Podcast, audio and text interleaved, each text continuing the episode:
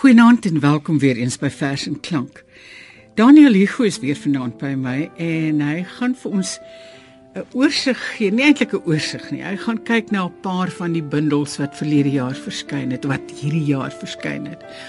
En enkele gedigte daaruit vir ons voorlees, maar dalk ook vir ons 'n bietjie geskiedenis gee, 'n bietjie uh beligting gee vir die betekenis van die gedig. Gaan jy? Ek sal my bes doen, ja. Welkom Daniel. Baie dankie. Lekker as jy by ons is. Jy wil begin met een van die bundels wat uh een van die bundels van die jaar is vir my. Uh Wilma Stokenstroom sê hierdie mens. Ja. Ja, dit is een van die ses bundels wat ek gekies het om uit voor te lees. En natuurlik moet 'n mens met Wilma begin. Ek gaan twee gedigte lees. Die eerste een is Dit wil wil Nou dat die somer sy laaste asem, goud en bruin, uitblaas oor die stad, skrik ek vir die kennis wat ek dra, al aan die een kant. En gaandeweg hel ek oor na inval by wending. Dis goed om op te ruim, feite, die dooie vlee met die skoppie uit te gooi. Minder weet, meer wonder. Dit wil wil winter word. En die tweede een is die laaste gedig in die bundel en sy het dit geskryf vir haar oorlede man Ans Kirsipo. Hy was 'n Estlander en Kirsipo beteken kersieboom. In die gedig self verwys hy ook na die taal, sy moedertaal wat Est Esties was of Estnis en deel is van die Oeral-Altaïse taalfamilie. Hy was ook 10 tale magtig. Ek lees eers die gedig. Daar en hier Die woude van jou verlange het geruis, donkerstemmig, van hordes en ridderordes. Spielings, water, riete en tussen storms die gelyke kalmte. So deur jou vertel in jou tiende taal, ver, ver verwyderd van oral altais, klinker sangerig op dorpspleine met klein fonteine, op visserskuite, op weiveld en rogland, in ou stede met ringmure en dik wagtorings. Min het jy kon raai dat ons se hemelse blou oor rande en vlaktes jou so vang en hou tot die dood toe hier. Baie mooi gedig. Daniel, wat het hy gedoen? Hy was 'n taalkundige, vandaar sy groot kennis van talle tale. 10 sê Wilma in hierdie gedig. Johan de Lange was goed bevriend met Wilma Stokkenstrom en Ans Kirsipo en by sy dood het Johan 'n gedig geskrywe. Dit staan in sy bundel Die Algebra van Noot waarmee hy ook die Hertzogprys gewen het.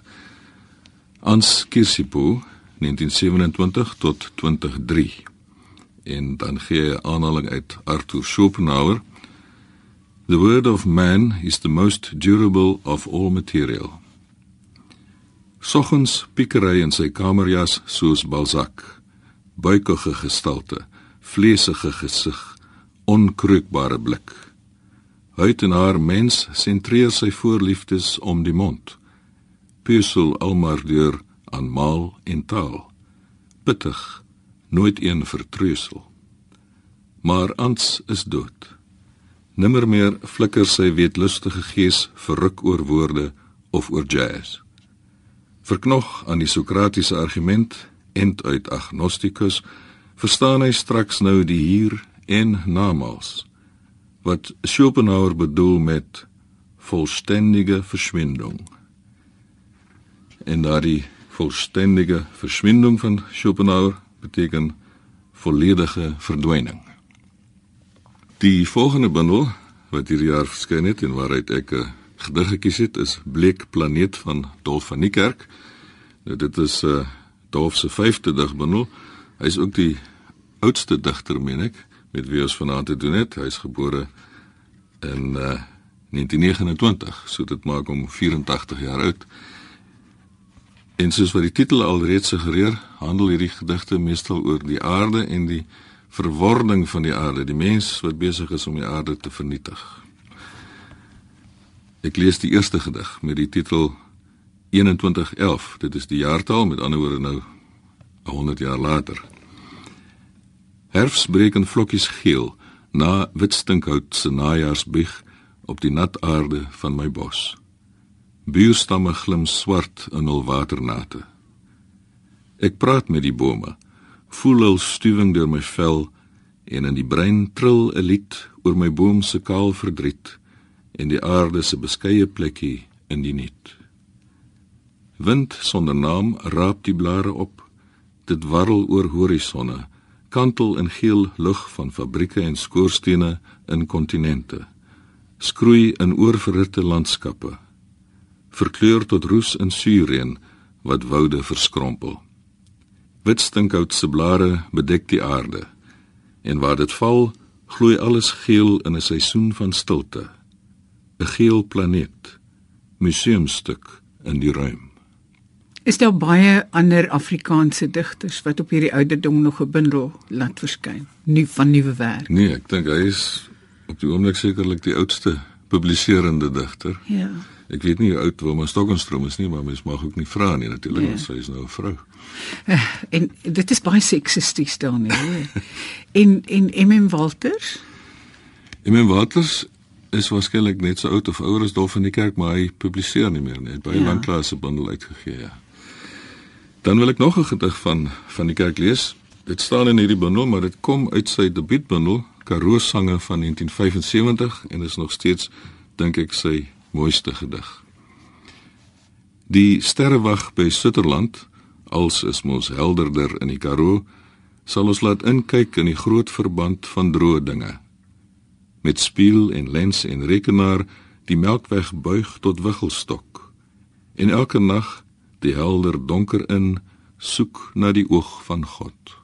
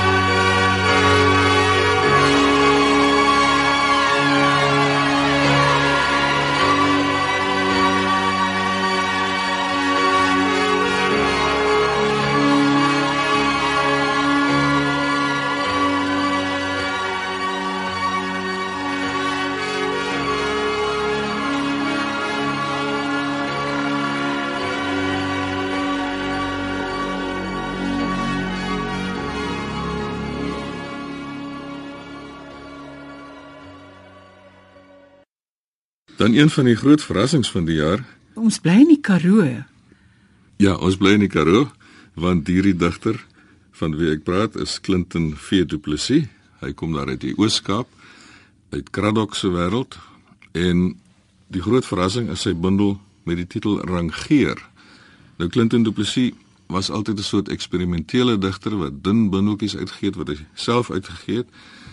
Hierdie bundel is ook deur homself uitgegee of dan nie deur 'n gevestigde uitgewery nie, maar dit is 'n omvangryke bundel met lang toeganklike gedigte. Die bundel is opgedra aan sy pa vir Robert Du Plessis wat geleef het van 1924 tot 1996. Sy pa was 'n spoorwegwerker, van daar die titel van die bundel Rangeer. So Clinton was 'n spoorwegkind. Hy noem dit dan ook 'n tyd van stoom, steenkoolstasies en stories. En dan tussen hakies, ek het nie juis helde nie behalwe my pa en Bruce Springsteen. En ek lees graag ook twee gedigte daaruit voor. Albei handel oor die skryf van gedigte. Die een ernstig, die ander lighartig. Miskien eers die ernstige ene. Teenspraak. Om te skrywe is die eensaamste weerstand teen die duister man met flits in die hand wat in die skemer dreig om te kom gerf elke vroeggebore vers te laat sterf.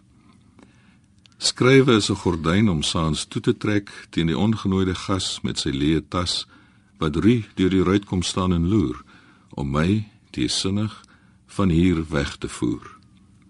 Skrywe is die broosbang bestaan teen om alleen in die donkerte dood te gaan. Skrywe word die laaste vergeefse kreet om te keer dat jy my as net nog 'n niemand sal vergeet. Dit is so eerlike liefdesvers, dis 'n onopgesmukte, onpretensieuse liefdesvers. Wel, as jy dit 'n liefdesvers noem, dan is dit waarskynlik 'n liefdesvers gerig aan elke leser van hierdie bundel. Die, ja. die mense wat sy gedigte lees en hom sodoende nie sal vergeet. Vergeet. Ja. Spare parts. Die gedig is soms soos 'n ou skedonk met aangebrande vonkproppe, 'n lastige olielek op 'n plek iewers wat jy nie mooi kan plaas, nie raak kan kyk, met bewerige skokbrekers en verslete bande. Die digter voel die kloppende ritme en die simfoniese gladloop van die volmaakte engine wat in sy oor hom bekoor. Hy kan die timing oordwaal en die hakkelende engine onder die vingerpunte voel stotter. Met sy socket set verstel hy die spasies tussen reëls, vervang verslete seels, draai hy sinne in rym vas, moersleutel hy tot alles pas. 'n Gedig moet goeie brieke hê om windgat sy sê met 'n spin en 'n duis te kan sê. Maar die digter bly die ewige appie en die volmaakte vers bly luier onhoorbaar ver, bly buite bereik, soos die verruklike vyryp mis November teen die muur op Pirelli tyres se Kalbas kalender. Dan wil ek graag 'n gedig lees van Piro Becker uit sy bundel Atlas teen die vergeet rivier. Nou, dit is 'n herskrywing van 'n baie bekende gedig van D.F. Malherbe, die sonnet Slaap. En ek sal Miskien eers Malherbe se gedig lees en dan Becker se antwoord daarop. Slaap, Deef Malherbe. Wat is die slaap, 'n wondersoete ding. Sag op haar bloue oë daal die vaak soos maaneskyn diep waterkuile raak om daar te droom in silwer skemering. Verlaas beef oor haar lippe 'n fluistering. Nag, papie. Ek merk hoe langsam my genak wat drome soet tot werklikhede maak. In Vaderarms rus my lieveling. Sluit so my oë, God, wanneer vir my u engel wenk ter laaste lange rus en ek van wilde woeling hier moet skei. Dat my dan stille drome huis toe sus en sterke hand deur duisternisse lei. Sluit so my oë, God, as ek gaan rus. Nou dit is sekerlik een van die beroemdste sonette in Afrikaans. Dis ook een van die min werklik volmaakte Italiaanse sonette wat voldoen aan al die vereistes van die Italiaanse sonnet, maar ek gaan nie daarop uitbrei nie. Hier is Piero Becker se herskrywing daarvan. Slaap. Ja, slaap. Wat is die slaap, 'n wondersoete ding. Malherbians daal op my oë die vaak. Maar soos in kuile waar varings water raak, word onrus uitgesprei in kring op kring. Sê nag, jy het gekom, gesien en nie oorwin. Sê goeie nag. Jy het mos jou dag gehad. Jy het 'n huis gebou, 'n liewe vrou gevat en met die verse boek is alles nou volbring. Nee, veel moeiliker word die slaap aanvaar, vernaamlik deur 'n kind, nog warm gespeel. Die kop sal sak, maar dan weer regop ruk terwyl die oë na iets wat verby is staar en met herinnering kom die terugverbeel. So werklik dat 'n glimlag om die haasbek pluk. Wil jy nie vir ons iets sê oor hoe hierdie vers voldoen aan die eise van die Italiaanse sonnet nie? Hy hou baie goed by die rymskema, die A B B A A B B A C D E C D E rymskema en uh, dan daai ook die wending na die oktaaf, dit wil sê na die eerste agt reëls kom daar 'n wending.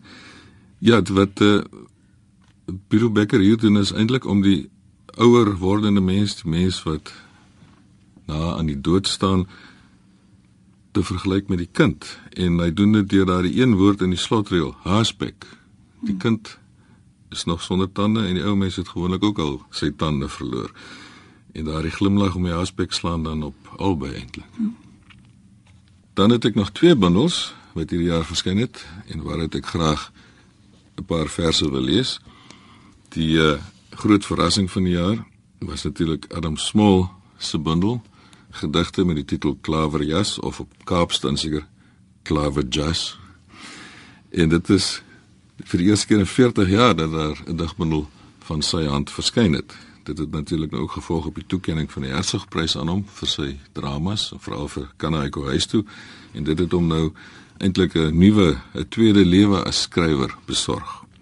Ek wil net twee kort gedigte daaruit lees. Die een gaan juis oor hierdie herontwaking van hom as skrywer en die ander is dan 'n soort liefdesgedig. Damwal. Ek is half stom geslaan, maar sit my nie teen. Probeer net die damwal keer wat breek. Die water vat my heen. Dis soos by Goree naby Robertson waar ek 'n klein knaap was en bang, maar kordaat nie weggeskram het van die sluis van die oorvol plaasdam nie, dit aangedurf het en die water angstig sien kom het. Die water die water. Oftewel nou die woorde, die woorde. Presies ja. En dan die kort liefdesgedig aan sy vrou Rosalie ook verskyn. Graf Renet. Rosalie en ek was vir 'n geleentheid in Kraddock en met die terugkeer Kaap toe het ons van 'n hoogte af Graf Renet se groot karoo gesien. Die asembenemende skakerings van val, hier en daar 'n groenigheid en 'n stippel rooi van alwe. Bovenal die skrikkelike uitgestrektheid van alles. En 'n mens sien daarna met nuwe oë bewoe die Haai Karoo. En dan nou ten slotte 'n gedig uit Gilbert Gibson se bundel met die titel 7, die volgende gedig, dis ook 'n liefdesgedig. Gilbert Gibson staan bekend as 'n duister digter. Maar in hierdie geval is hy besonder toeganklik. Dit lyk of die liefde nou ook hierdie wetenskaplike, hy's 'n mediese internis kon roer tot intimiteit, tot teerheid en tot verstaanbaarheid. Ek weet jy lê in die nag wakker en luister of ek nog asemhaal. Jou oë in die donker oop soos paddas in 'n droë moeras, sodat ek dan omdraai en dieper slaap vir die droom wat op my wag, soos 'n pendelaar wat wag op 'n bus. Die asem stuur die vuur van slaap, stuur die koelte van water langs donker, oop oog onder die aanslae van apnee. Ek is ingebed in die opwel van jou hart. As joune klop, sal myne. As joune stop, sal myne.